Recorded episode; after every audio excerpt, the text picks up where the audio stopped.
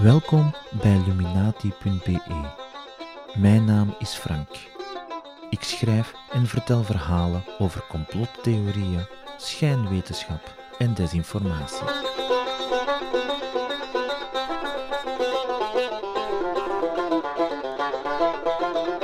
In deze nieuwe reeks afleveringen gaat het over alternatieve geneeskunde in Iran. In het eerste en tweede deel vertel ik over de vooral religieus geïnspireerde varianten, die onder meer wortels hebben in de klassieke oudheid en in de Indische en Chinese tradities. In deel 3 vertel ik over meer esoterische en spirituele vormen van pseudogeneeskunde. Voor deze afleveringen heb ik heel wat hulp gekregen van Neda Nazarabadi. Zij heeft me geholpen met het zoeken en vertalen van Persistalige artikelen. گواهینامه آموزشی بدین وسیله گواهی می شیردل با موفقیت دوره آموزش زیر را در چارچوب تئوری و عملی سپری نمودند. اسکن دست، تشخیص بیماری ها از طریق کف دست. Of ik deze kende, vroeg mijn soulmate met sceptische inclinaties. Ze wees me op een Iraans certificaat voor de cursus Eskane Dast. Ik heb geen idee hoe fris uw Persisch is, maar Eskane Dast betekent letterlijk scan van de hand. En het gaat over de diagnose van ziektes via de handpalm. Iets als medisch handpalmlezen dus. Het certificaat vermeldt verder dat de deelnemer de module van 30 uur handscannen met succes beëindigd heeft. De verwachte of behaalde basiscompetenties van de cursus worden evenwel niet vermeld. Op het diploma is er een man afgebeeld in religieuze kledij. Het is de molla die verantwoordelijk is voor de inrichting van deze cursus.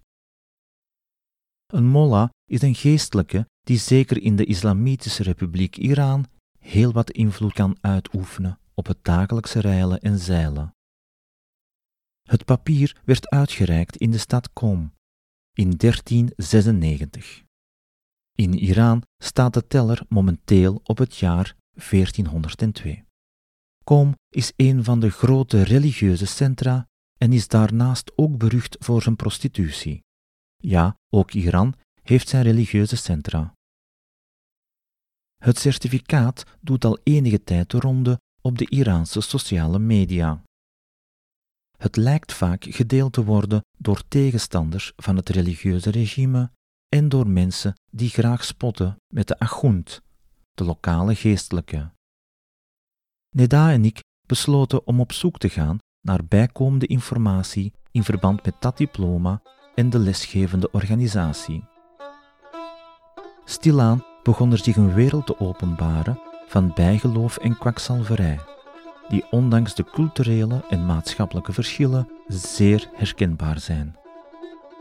We kregen het idee om een podcast te maken over de acceptatie en promotie van alternatieve geneeskunde in Iran.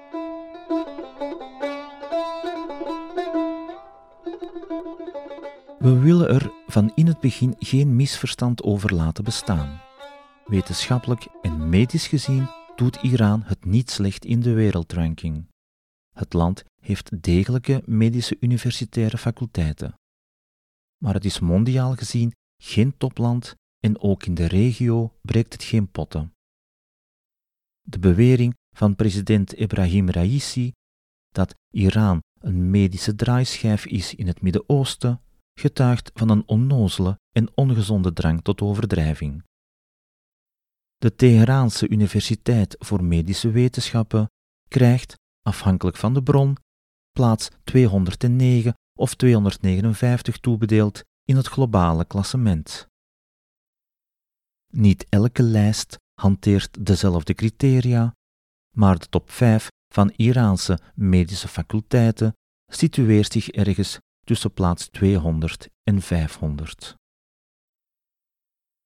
Hoe dan ook, in de stedelijke gebieden zijn de medische voorzieningen meer dan dik in orde.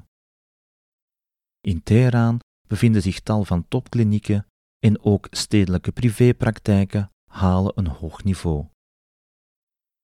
Anderzijds klagen beginnende dokters over de gebrekkige medische infrastructuur buiten de grote steden.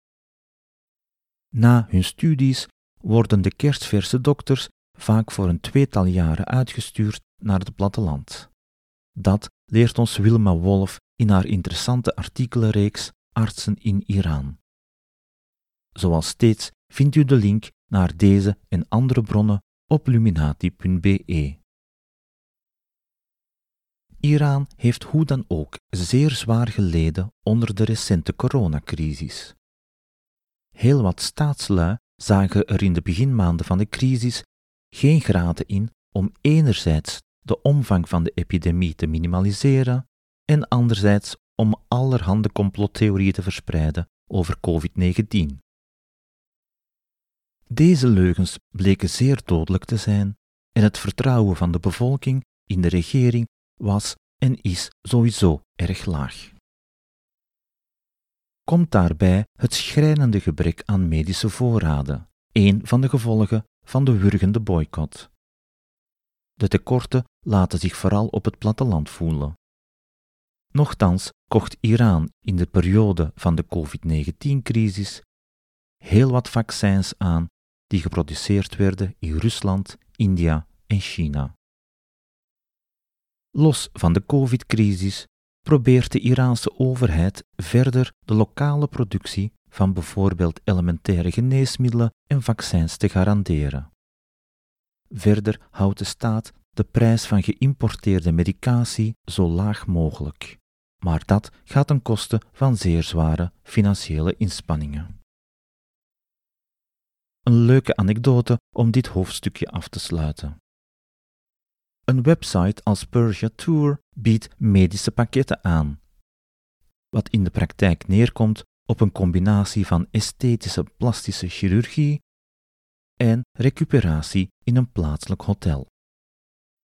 We hebben geen idee of Candy Charms in 2016 een beroep heeft gedaan op deze package deal voor een nose job in Teheran, een zogenaamde neuscorrectie dus. Vast staat dat het bezoek van de Brits-Amerikaanse pornoster aan een Teheraanse kliniek ook heel wat wenkbrauwen deed reizen in het land van de Ayatollahs. Boze Iraniërs vroegen zich af waarom nu net zij wel een visa kreeg. De Iraanse woordvoerder van het ministerie van Buitenlandse Zaken antwoordde daarop dat de bevoegde ambtenaren niet wisten dat de dame in kwestie een professionele pornoactrice was. En dat kwam volgens hem vooral door de hoge morele waarde in de Islamitische Republiek Iran. Het verhaal zorgde niet alleen voor hilariteit binnen en buiten Iran, maar ook voor heel wat aandacht voor het medisch toerisme naar dat land. Toegegeven, een candy charm is geen eenheid van medisch welbevinden, maar het toont wel aan dat kenners de verhouding medische standaarden versus kostprijs positief genoeg inschatten.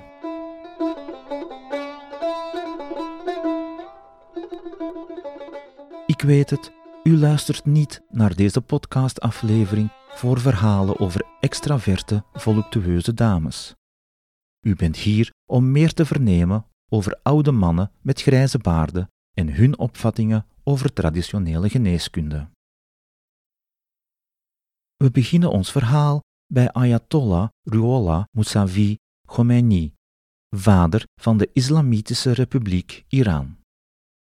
Bijna 35 jaar na zijn dood is Khomeini nog steeds een baken van wijsheid en zijn zijn geschriften nog altijd een referentiepunt bij maatschappelijke problemen. En in Iran hebben maatschappelijke problemen niet veel nodig om beschouwd en behandeld te worden als religieuze problemen. Hoewel Khomeini er niet heel veel over geschreven heeft, had hij toch uitgesproken meningen over medische praktijken. En meer bepaald over traditionele islamitische geneeswijzen. Moderne geneeskundige methoden hebben de hedendaagse wereldleiders in die mate bekoord dat ze de traditionele islamitische geneeskunst zijn vergeten, al dus de voormalige hoogste geestelijke leider van Iran. Volgens Khomeini was het bijvoorbeeld wel bewezen dat de westerse dokters op het gebied van de beenderleer volstrekt onwetend waren, terwijl er in de bazaars van Iran met succes operaties werden uitgevoerd. Want, zoals we allemaal weten, was en is een overdekte markt de plaats bij uitstek om vorderingen in de theoretische beenderleer te vertalen naar de praktijk. Maken we abstractie van het religieuze aspect, dan komt die toch wel heel dicht in de buurt van de klacht die ook bij onze liefhebbers van alternatieve geneeskunde te horen is.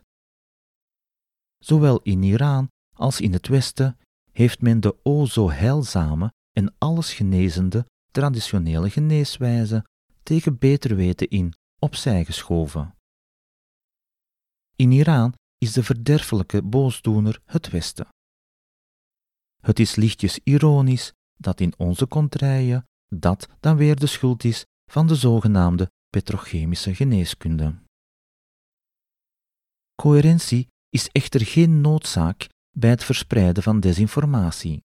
Ayatollah Khomeini beweerde ook dat het Westen de geneeskunde van de Perzische geleerde Ibn Sina had weggenomen om die dan eeuwen later doodleuk terug te verkopen aan Iran.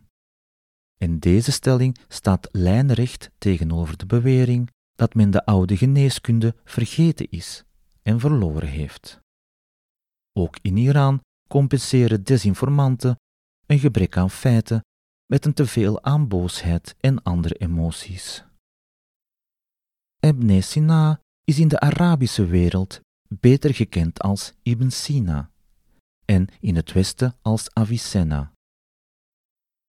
Hij was een filosoof, geoloog, wiskundige, natuurkundige, astronoom en een van de belangrijke medische denkers van zijn tijd. Hij werd geboren rond 980 en hij schreef zo'n 40 medische werken, waaronder de kanon van de geneeskunde. In de kanon presenteerde hij de toenmalige medische topkennis van de islamitische wereld, die sterk beïnvloed was door de eigen Perzische, maar ook Grieks-Romeinse, Chinese en Indische tradities.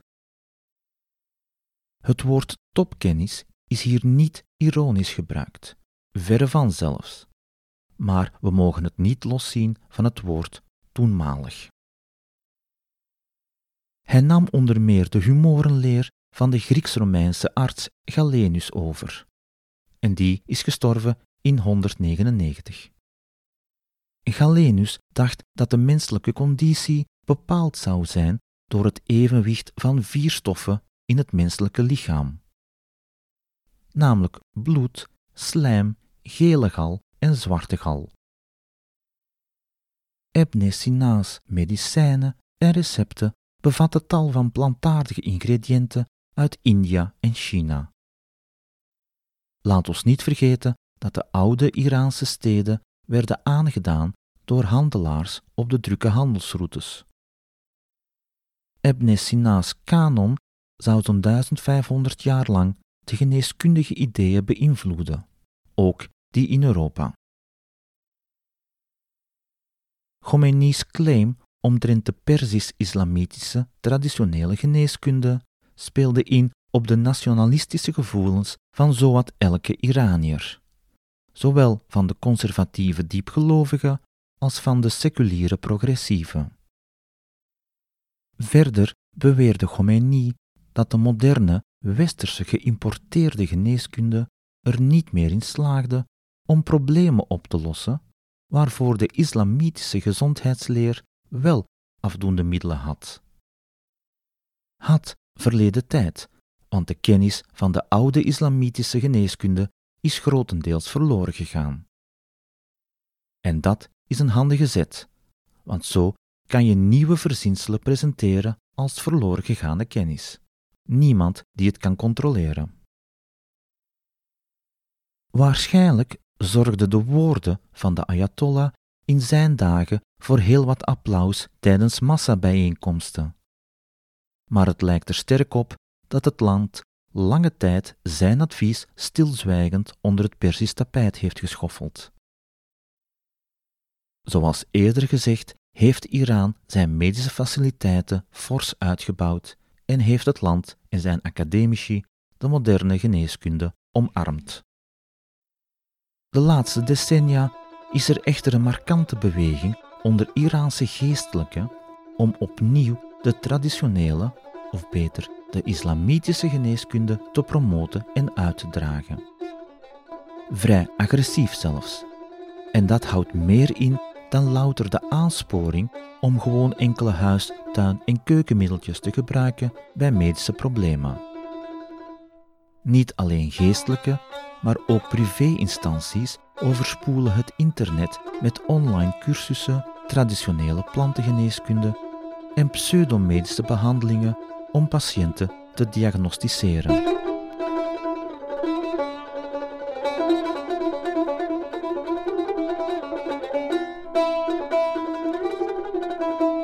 In april 2020 verscheen op YouTube een filmpje waarin Molla Morteza Kohansal in een hospitaal het zogenaamde parfum van de profeet op de neus en lippen van een patiënt aanbracht.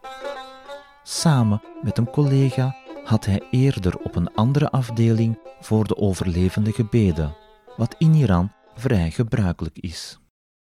Mullah Kohansal maakte gebruik van de onoplettendheid van de bewakers om zijn alternatieve diensten aan te bieden op de corona-afdeling van het hospitaal.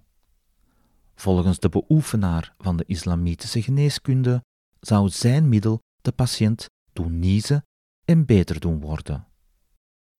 Na de dood van de patiënt enkele dagen later werd de alternatieve molla gearresteerd. Niet dat men een oorzakelijk verband vermoedde tussen het toedienen van het parfum en de dood van de patiënt. Deze geestelijke werd geïndoctrineerd door islamitische propaganda, aldus Dr. Tahai, de directeur van het Anzali ziekenhuis. Het Iraanse ministerie van Gezondheid bekritiseerde eveneens de actie van de geestelijke. Een woordvoerder verklaarde dat hij zonder toelating de bewuste afdeling van het ziekenhuis was binnengedrongen. Hij had zonder persoonlijke bescherming verschillende patiënten bezocht en de kans bestond dat hij een drager van het COVID-19-virus was. Al dus de website Radio Farda. De Brits-Iraanse journaliste Samaneh Khader Khan haalt de vice-minister van Sociale Zaken en Criminaliteitspreventie aan in haar artikel met de titel Sommige geestelijke vallen de gezondheid van Iraniërs aan. Citaat: Elke persoon die ziekenhuizen en medische centra betreedt zonder aangepaste, beschermende kledij en die enige medische behandeling verricht of tussen beide komt op een medische en illegale manier, wordt beschouwd als een crimineel volgens de wet. De laatste jaren reizen instituutjes en commerciële websites die de traditionele geneeswijze promoten en onderwijzen als paddenstoelen uit de grond. Een naam die bijna altijd opduikt is die van Abbas Tabrizian, van wie de eerder vermelde Mullah Kohansal een leerling is. Tabrizian is een Iraanse geestelijke die geboren is in 1962 in de Iraakse stad Najaf. En Najaf is dan weer een van de heilige steden voor Shiiten. Tabrizian noemt zichzelf de vader van de nieuwe islamitische geneeskunde. Een echte medische faculteit heeft hij waarschijnlijk nog nooit van binnenuit gezien. De journaliste Gader Khan maakte in 2014 melding van een conferentie over islamitische geneeskunde die in 1994 in Jast werd gehouden. Daar riep Mollah Tabrizian op tot de heropleving van de gebedstherapie. Verder beweerde hij dat elke ziekte die niet door de Surah al-Hamd werd genezen, en dat zijn de openingsversen van de Koran, nooit zou worden genezen. De minister van Volksgezondheid riep toen op om de verspreiding van deze claim te voorkomen en noemde het een bedreiging voor de Iraanse volksgezondheid, aldus de journalist.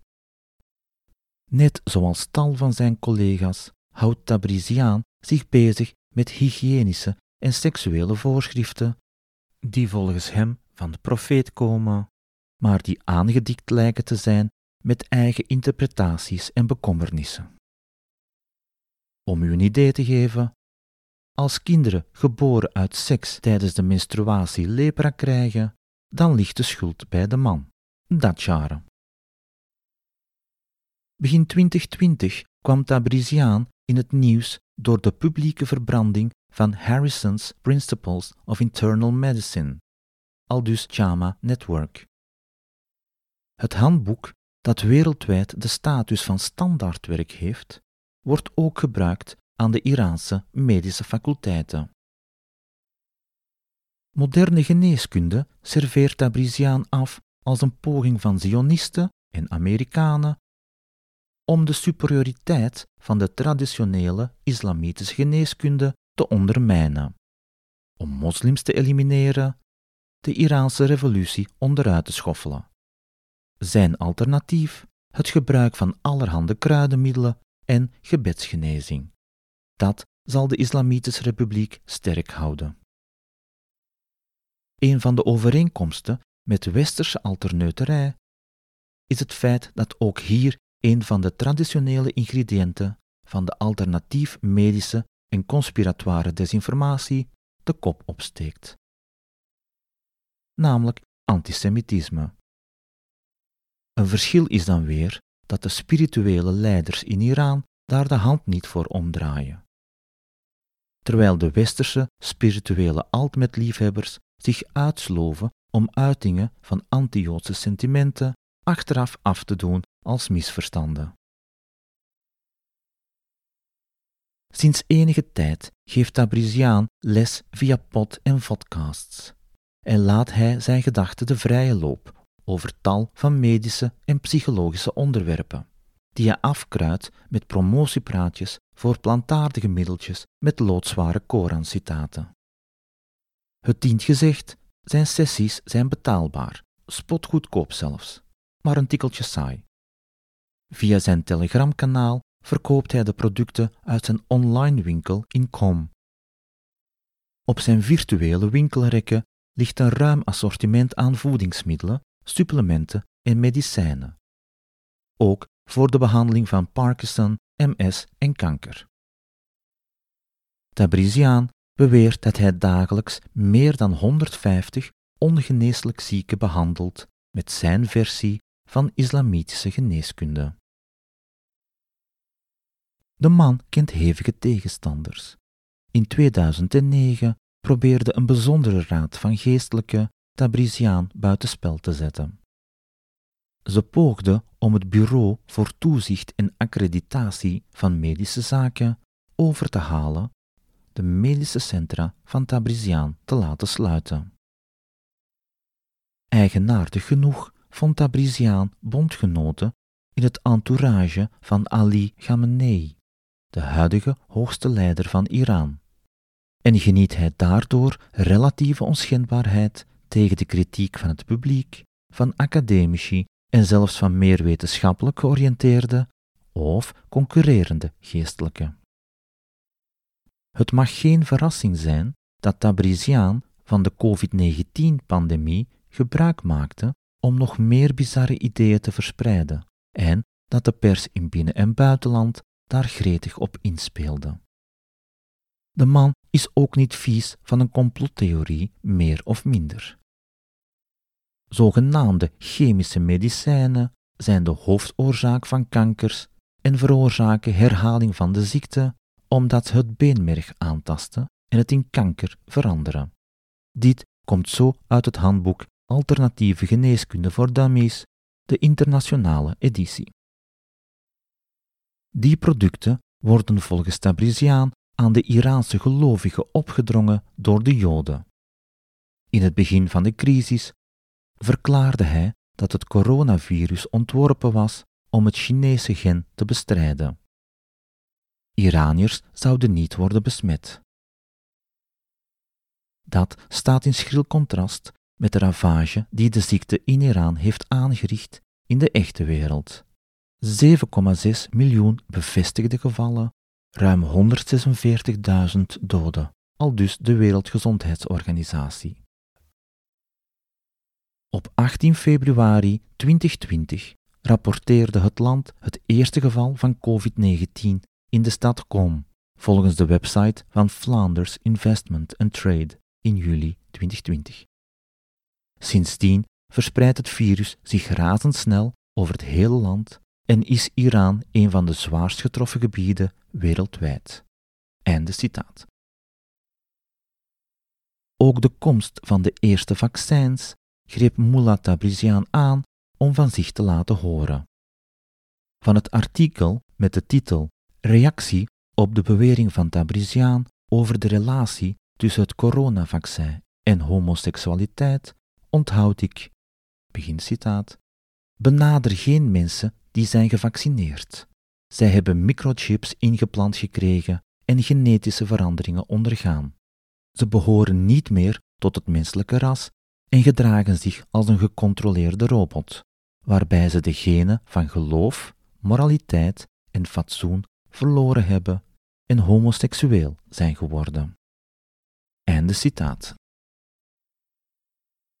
Laat ons niet vergeten dat we in Vlaanderen dokter homeopaat Johan Denis hebben gehad, die eveneens beweerde dat bepaalde coronavaccins nanobots bevatten die ons tot slaaf konden maken.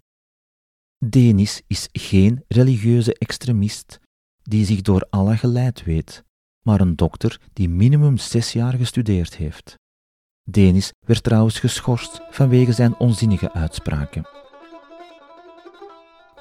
In de marge, de woordvoerders van de regering uiten dan weer een afkeer van Amerikaanse en Britse COVID-19-vaccins, respectievelijk van de grote en de kleine Satan. Iran zet zijn geld in op de Russische, Chinese en Indische vaccins. Iran zou ook enige tijd bezig zijn geweest met de ontwikkeling van een eigen vaccin. Ik heb er na de crisis niets meer over kunnen terugvinden en ik heb dus geen idee in welke mate dit een claim was voor propagandatoeleinden.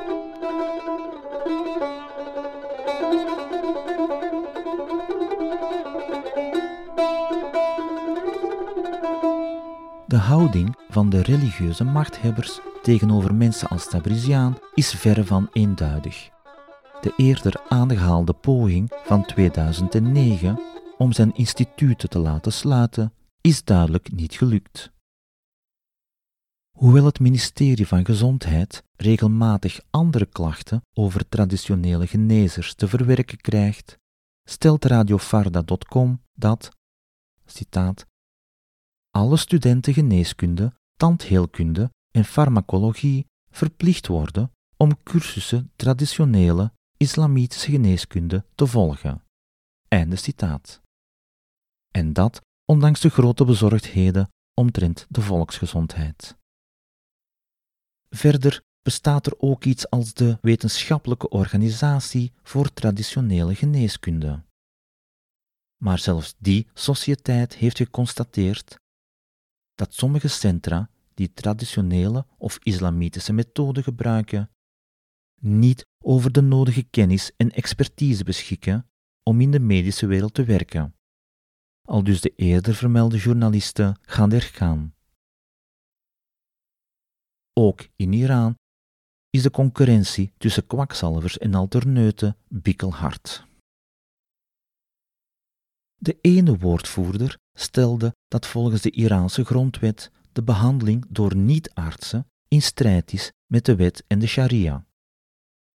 Er gingen stemmen op om het zogenaamde medicijn van imam Kazem, de wierook van de heilige Mariam en het medicijn van imam Reza niet meer in naam van de religie voor te schrijven.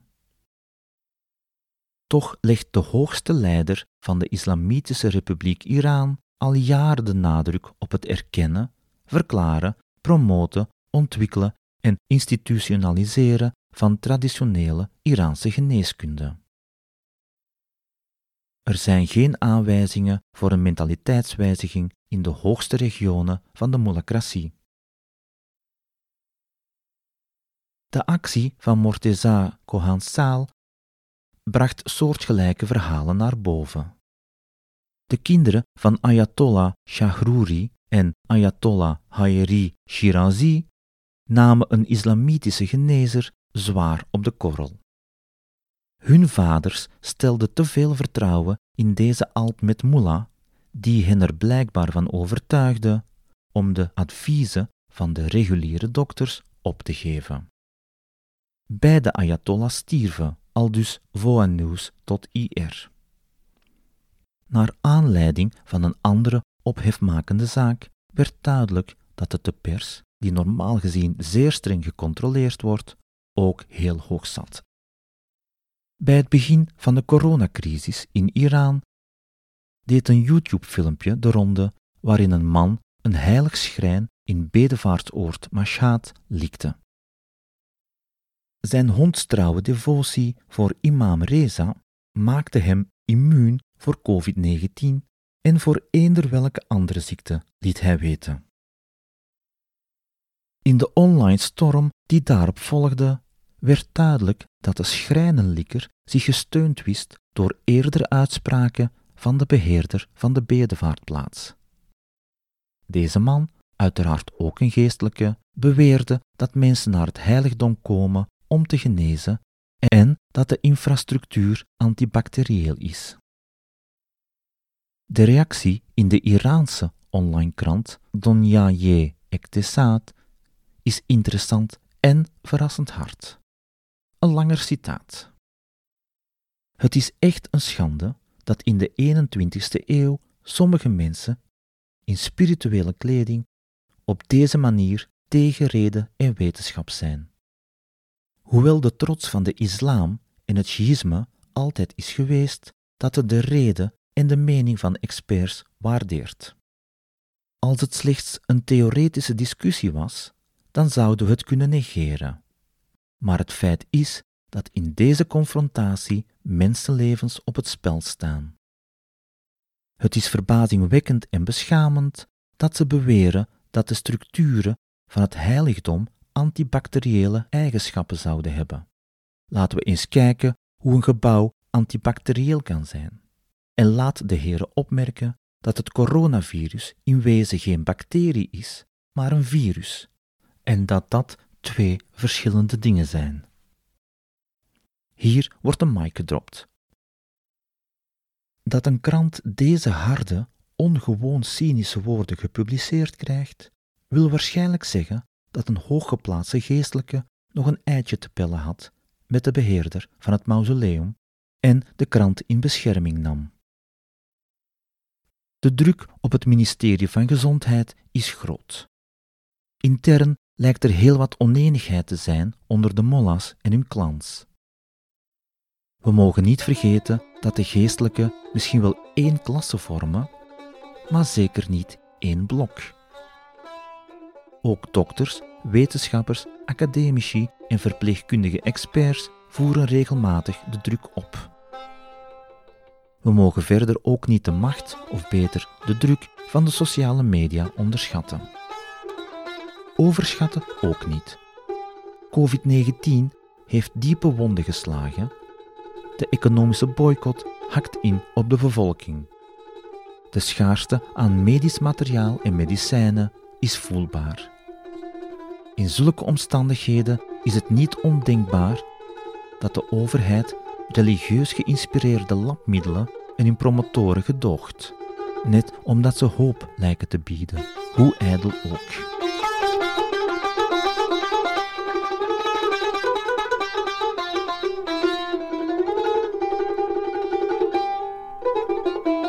Bedankt voor het luisteren.